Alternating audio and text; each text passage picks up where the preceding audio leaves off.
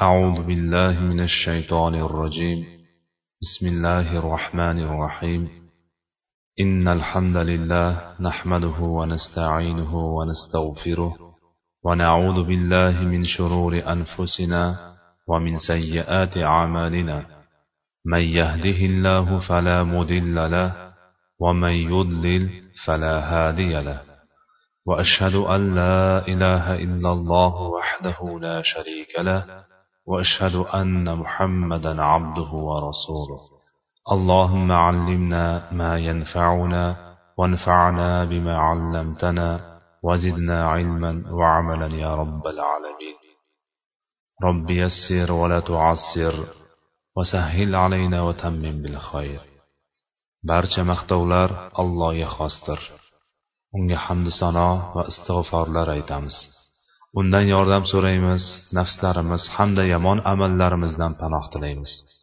Alloh hidoyat qilgan kimsani adashtiruvchi adashtirgan kimsani hidoyat qiluvchi yo'qdir. Men sheriksiz yagona ollohdan o'zga iloh yo'q va muhammad uning bandasi va elchisidir deb guvohlik beraman. Assalomu alaykum va rahmatullohi va barakatuh. Muhtaram azizlar o'tgan suhbatimizda jaloliddin manguberdining mo'g'ul qo'shinlaridan qochishi mo'g'ullarning afg'oniston diyorini bosib olishi mo'g'ullarning meraga shahrini egallashi hijriy 618 yilda mo'g'ullarning abbosiylar xilofatiga hujum qilishdagi taraddudi mo'g'ullarning tabrizga hujum qilishdan bosh tortishining sababi mo'g'ullarning dog'iston checheniston rossiyaning janubi g'arbini egallashi kabi mavzular borasida zikr qilib o'tgan edik. Bugungi suhbatimizni hijriy 620 yilda sodir bo'lgan eng muhim voqealardan boshlaymiz inshaalloh. Hijriy 620 melodiy bir ming ikki yuz yigirma uchinchi yilda sodir bo'lgan voqealarning ahamiyat kasb etganlaridan faqat to'rttasigagina to'xtalib o'tamiz. Birinchi voqea mo'g'ullar rossiya yerlariga bostirib kirib sanoqsiz g'alabalarga erishdi. Nihoyat qarshisidan bolgar xalqi chiqdi. Bu mintaqa hozirgi bolgariyada bo'lsada o'sha vaqtlar rossiyaga qarashli yer edi. Mo'g'ullar bilan bolgarlar o'rtasida qattiq jang sodir bo'ldi. Mo'g'ullar mudhish mag'lubiyatga uchradi. Sanoqsiz askarlarni qirilishi barobarida rossiyaning g'arbiy mintaqalarida ya'ni ilgari bosib olgan ko'p joylarda hukmronligini qo'ldan boy berdi. Ular rossiya mintaqasida bir marotaba yengilishi oqibatida rossiya gruziya armaniston checheniston dog'iston ozarbayjon va eronning shimolida nufuzini yo'qotdi. Mo'g'ullar mag'lubiyatga uchrab sarosimada turishi musulmonlar uchun saflarini tartibga solish. Tayyorgarlik ko'rib mo'g'ullardan o'ch olish uchun juda qulay fursat edi. Biroq ibnul asir rahimaulloh xabar berishicha shu yilning shabon oyida musulmon amirlaridan biri jangga shay bo'lib gruziyadagi nasroniy kursh qabilasiga hujum uyushtiradi. Va bir nechta qishloqlarni ishg'ol qilib bir qancha odamlar barobarida ularning boshlig'ini ham asir qilib oladi. Holbuki hech qancha vaqt o'tmasdan kursh davlat podshosining talabiga ko'ra asirga tushgan kursh amiri ozod qilinadi. Bu hayratlanarli hodisadir. Musulmonlar bilan nasroniylar o'rtasida urushlar muntazam davom etib kelgan bo'lsa-da, ular ayni damda o'zaro rasmiy bo'lmagan vaqtinchalik sulhda edilar. Qolaversa katta dushman. Mo'g'ullar mavjud bo'la turib, ularni yo'qotishga kirishmasdan yangi yerlarni fath qilishga kirishish hikmatsizlik emasmi? Gruzinlar ham mo'g'ullarni yoqtirmas, ularning mo'g'ullardan chekkan jabrlari musulmonlar chekkanidan oz emasdi. Musulmonlar siyosiy hikmat va siyosiy fiqhga ega bo'lishi va kerak bo'lsa mo'g'ullarga qarshi gruzinlar bilan ittifoqchilik tuzishi kerak edi deydi doktor sirjoniy. Yoki hech bo'lmaganda yonida bahaybat mo'g'ul qo'shini mo'g'ul quvvati turganda gruzinlar bilan jang qilmasligi lozim edi. Chunki bu musulmonlarning ham gruzinlarning ham sillasini quritishi aniq edi. Shu davrda musulmonlar sog'lom dunyoqarash askariy bilimlar va aniq maqsaddan uzoq edilar. Saflar tarqoq amallari betartib bo'lib ishlari mujmal edi. Xullas gruzinlar bilan musulmonlar orasida urush boshlandi. Ikkala guruhda ham katta sondagi yo'qotish bo'ldi. So'ngra urush to'xtadi. Mo'g'ullarga qarshi birlashish imkoniyati chippakka chiqdi. Bu jangdan musulmonlar biron foyda ko'rmadi. Aksincha bu jang ularning kuchsizlanish sabablaridan biri bo'ldi. Ikkala tarafdan ham katta yo'qotishdan so'ng musulmonlar gruzinlar bilan yangidan sulh tuzdi. Ikkinchi voqea. Mo'g'illar yengilgan mintaqalarda alovuddin muhammad xorazmshoh o'g'illaridan biri ko'ziga tashlana boshladi. Uning ismi g'iyosiddin bo'lib u o'sha paytlar hindistonga qochib ketgan jaloliddin manguberdining ukasi edi. U o'z atrofiga odam to'pladi va mo'g'ullarning nisbiy xotimasidan foydalanib o'shal mintaqalarni qo'lga oldi. Jumladan eronning katta qismi roy isfahon va boshqa shaharlarga hukmron bo'ldi. Hukmronligi pokistondagi karman mintaqasigacha yetdi. Uning sultonligi eronning shimoli g'arbi va janubiga cho'zildi. Lekin xuroson mintaqasi ya'ni eronning sharqiy qismi va afg'onistonning shimoli g'arbiy qismi hanuz mo'g'ullar qo'l ostida edi. Boshqacha qilib aytganda mo'g'ullar g'iyosiddindan uzoq emas. O'shanda ajablanarli hodisa yuz berdi.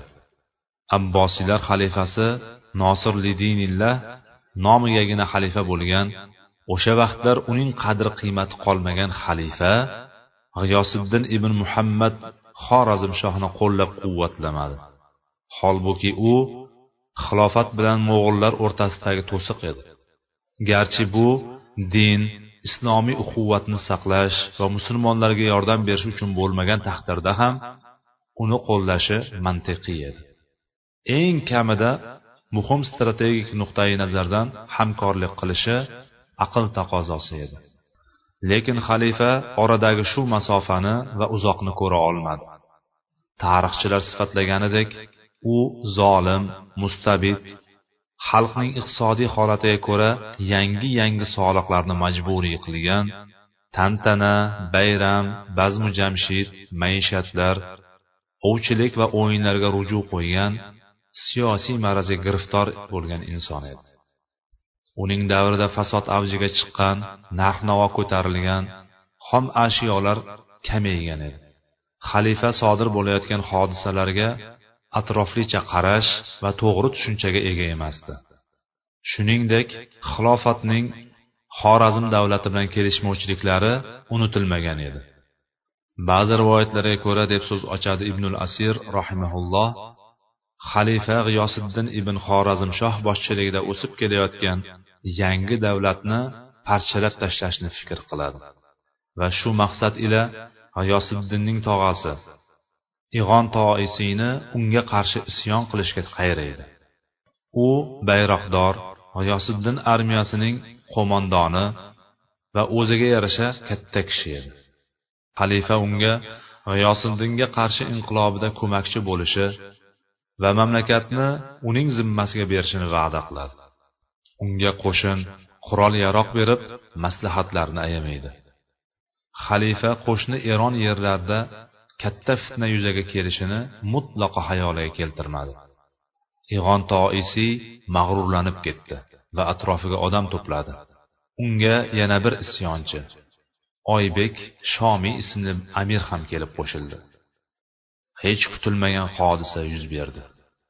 Ig'on toisiy eron taxti uchun opasining o'g'li yosiddin ibn xorazmshohga qarshi urush ochdi. Shu tariqa juda katta jang sodir bo'ldi.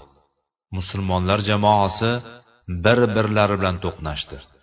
Ular o'rtasida ayovsiz olishuv ketdi. Musulmonlar qilichidan behisob musulmonlar qurbon bo'ldi.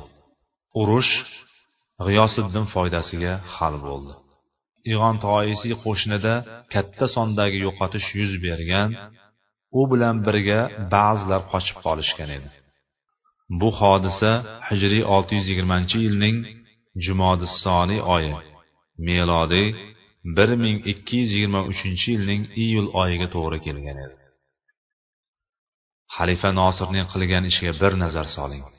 Alloh taolo bashariyatni mana shunday razil qiyofada yaratganmi? Afsuski ummat ozmi ko'pmi? Bunday qiyofadagi insonlar kasofatiga uchrab turibdi. Bundan keyin ham yo'liqishi tabiiy hol. Alloh asrasin. Vala havla vala quvvata illa billah.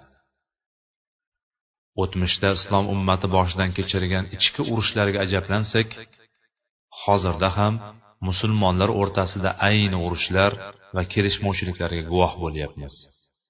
Shu bilan birga musulmonlardan juda ozchiligi bu urushlarga e'tibor qaratib mulohaza yuritmoqda.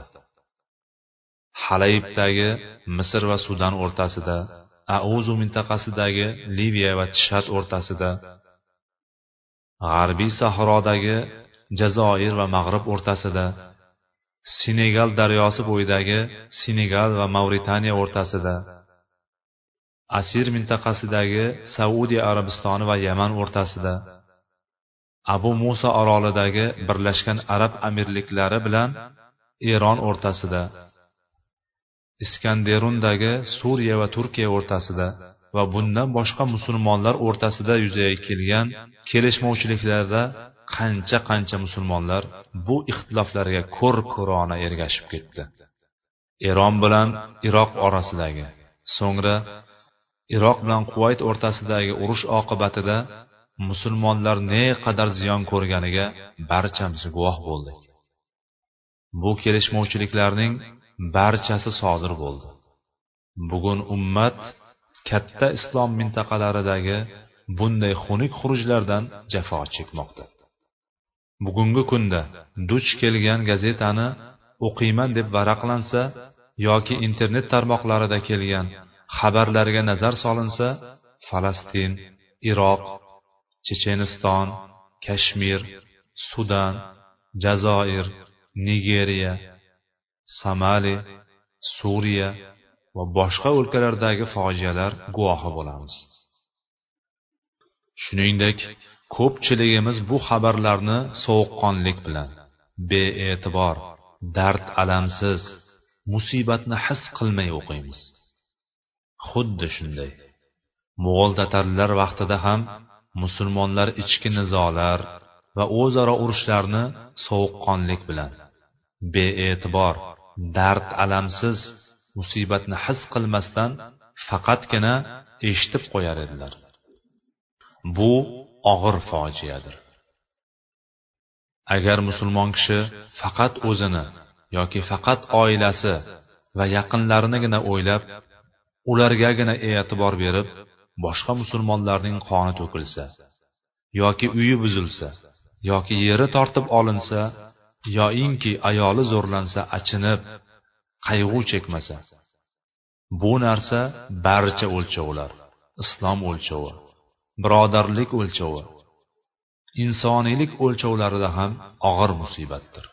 Vala havla vala quvvata illa billah. Zero payg'ambarimiz sollallohu alayhi vasallam shunday deb marhamat qilganlar. Mo'minlarning o'zaro do'stlashish bir biriga rahm shafqat ko'rsatish va mehr oqibatli bo'lishdagi misollari bitta jasad misolidirki jasadning bir a'zosi og'risa boshqa barcha a'zolari bedorlik va istimada birga bo'ladi.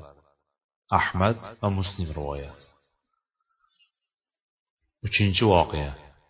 Ibnul asir al kamil fit tarix kitobida mislsiz g'aroyib hodisa sarlavhasi ostida shuni zikr qiladi.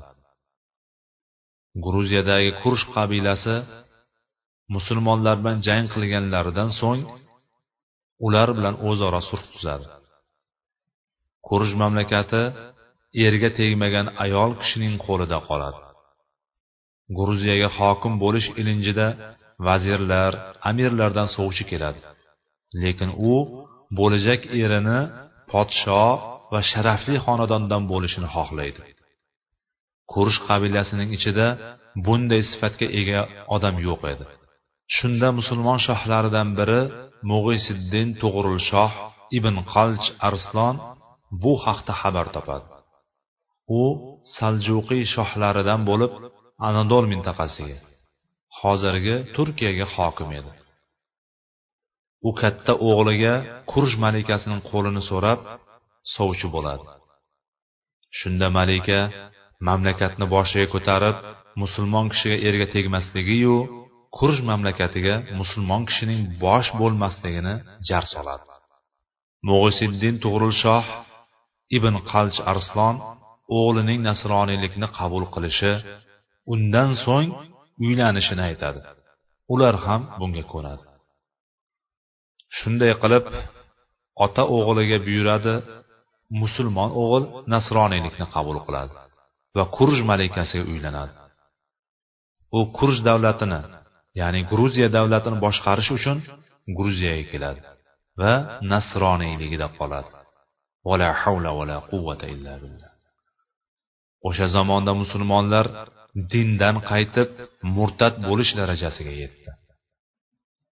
Nasroniylikni qabul qilib bir davlatni boshqarish musulmon podsho va uning o'g'lini aqliga qanday sig'di?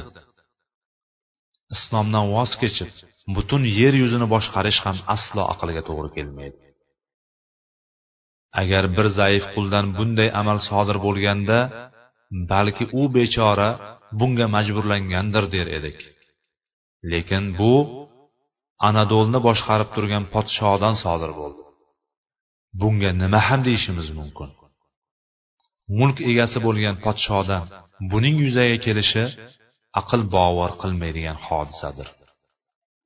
Bu podsho mug'isiddin ya'ni dinning yordamchisi degan laqabni qayerdan olgan ekan? U qaysi dinga yordamchi bo'ldi? Alloh taolo aytadiki فإنها لا تعمى الأبصار ولكن تعمى القلوب التي في الصدور zero ko'zlar ko'r bo'lmas balki ko'kraklaridagi qalblar ko'r bo'lur yigit kurj malikasiga uylandi va kurj qamoqxonasida nasroniy holatda jon berdi to'ydan keyin bir necha oy podsholik qildi so'ngra kurj malikasiga u yoqmay boshladi va undan ayb axtarib uni qamoqqa tashlatadi. Ibnul asir xabar berishicha yigit malikani to'shakda boshqasi bilan topib olgandan so'ng kelishmovchiliklar yuzaga keladi. Xullas u bechora nasroniyligida qolib nasroniy holatda o'ladi. Vala havla vala quvvata illa billah. Alloh subhana taolodan amallarimizning xotimasini go'zal qilishligini so'rab qolamiz. To'rtinchi voqea. Bu hodisani ko'pchilik tasodif deb o'ylaydi lekin uning yuzaga chiqishi juda g'aroyibdir. O'sha yilda musulmonlarga juda ko'p sinovlar keldi. Ko'rib turganimizdek iqtisodiy holat yomonlashgan siyosiy harbiy axloqiy holatlar achinarli ko'rinishga tushgan edi.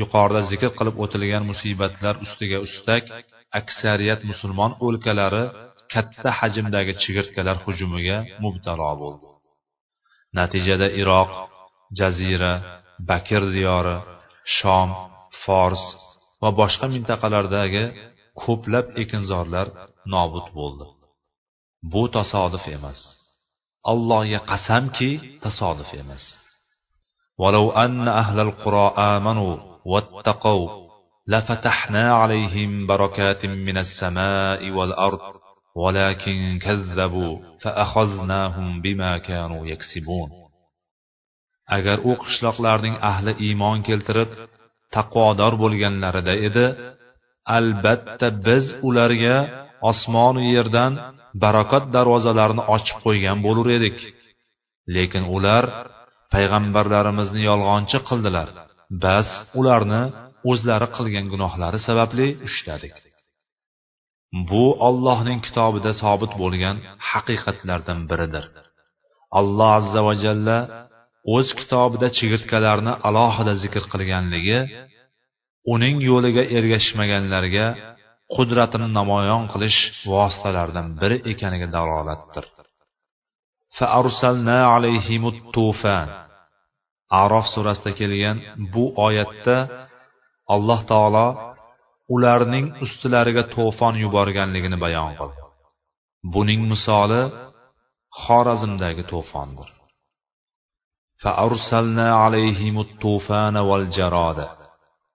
Ularning ustilariga to'fon va chigirtka yubordik. Chigirtkalar alloh taoloning qo'shinlaridan biridir. فأرسلنا عليهم الطوفان والجراد والقمل والضفادع والدم آيات مفصلات فاستكبروا وكانوا قوما مجرمين biz senga hargiz iymon keltirguvchi emasmiz deganlaridan keyin ustlariga to'fon chigirtka bit va qon balolarini ochiq oyat mo'jizalar qilib yubordik Lekin ular kibr havo qildilar va jinoyatchi osiy qavm bo'ldilar. Arof surasi bir yuz o'ttiz uchinchi oyat.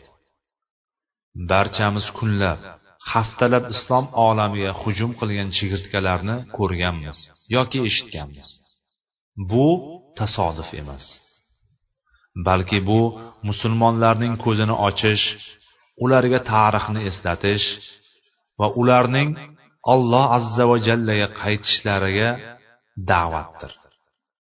Qadimdagi chigirtkalarning kelishi shunchaki kelib ketish bo'lmay u yerlarga joylashish va yerlarni o'zlashtirish bo'lgan edi. Alloh taoloning g'azabidan panoh tilaymiz va undan taqvo ixlos va amal berishini o'tinamiz hijriy 621 yilda sodir bo'lgan eng muhim voqealar. Hijriy 621 melodiy 1224 yilda sodir bo'lgan voqealardan faqat uchtasiga to'xtalib o'tamiz. Birinchi hodisa fors mintaqasiga hukmronlik qilayotgan g'iyosiddinga qarshi ayni mintaqa amirlaridan biri saduddin ibn dakla bosh ko'tardi. Ular o'rtasida uzoq urush sodir bo'ldi. Oxir oqibat ular mamlakatni ikkiga bo'lib olishga qaror qildi. Saduddin ibn dakla mamlakatning janub g'iyosiddin esa shimol tomoniga hokim bo'ldi deb xabar beradi doktor sirjoniy. Eronning sharqiy qismi mo'g'ul qo'shinlari qo'lida bo'lgan bir pallada musulmonlar davlatni o'zaro taqsimlash bilan ovora bo'ldi. Vala havla vala quvvata illa billah. Ikkinchi hodisa. Doktor rog'ib sirjoniy bayon qilishicha hijriy 621 yilda ro'y bergan voqealardan 3000 ming mo'g'ul armiyasi eronga bostirib kiradi. Roy sava qum kashon va hamazon shaharlari aholisini qilichdan o'tkazadi. Ularga qarshi nomiga ham qilich ko'tarilmaydi. O'sha kunlarda musulmonlarga xorlik tushirilgan. Ularning ko'ziga mo'g'ullar ko'p mo'g'illarga esa musulmonlar oz qilib ko'rsatilgan edi. Mo'g'ul tatarlarning haybati juda yuksalgan musulmonlarning haybatidan asar ham qolmagan edi. Musulmonlar o'zlari bilan o'zlari ovora kim do'stu kim dushman bilmas edilar.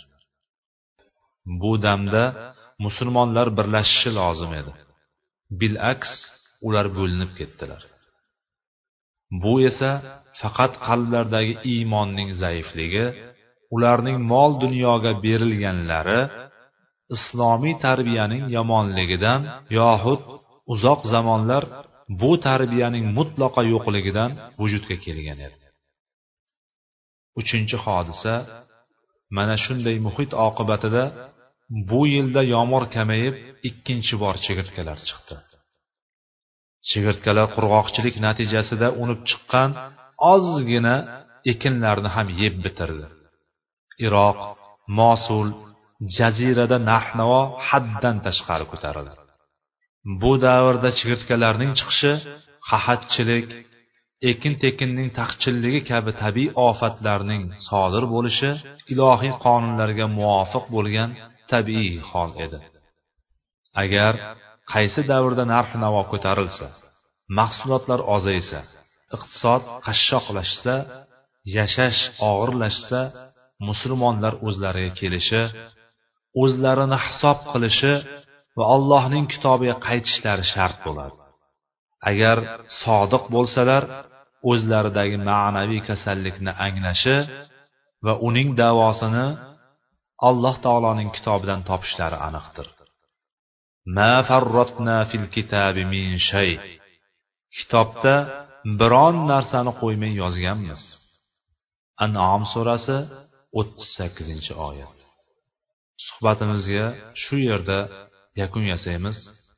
Alloh subhanava taolodan uning yer yuzida joriy qilgan qonunlarini bildirishini manfaatli bo'lgan ilmni ta'lim berib ta'lim bergani bilan foydalantirishini va tarixni bizlarga ibrat qilishini so'raymiz albatta bu allohning qo'lida va u bunga qodir zotdir vallohu taala olam ربنا اغفر لنا ولإخواننا الذين سبقونا بالإيمان ولا تجعل في قلوبنا غلا للذين آمنوا ربنا إنك رؤوف رحيم سبحانك اللهم وبحمدك أشهد أن لا إله إلا أنت أستغفرك وأتوب إليك. وآخر دعوانا أن الحمد لله رب العالمين. وصلى الله تعالى على نبينا محمد وعلى آله وأصحابه أجمعين. والسلام عليكم ورحمة الله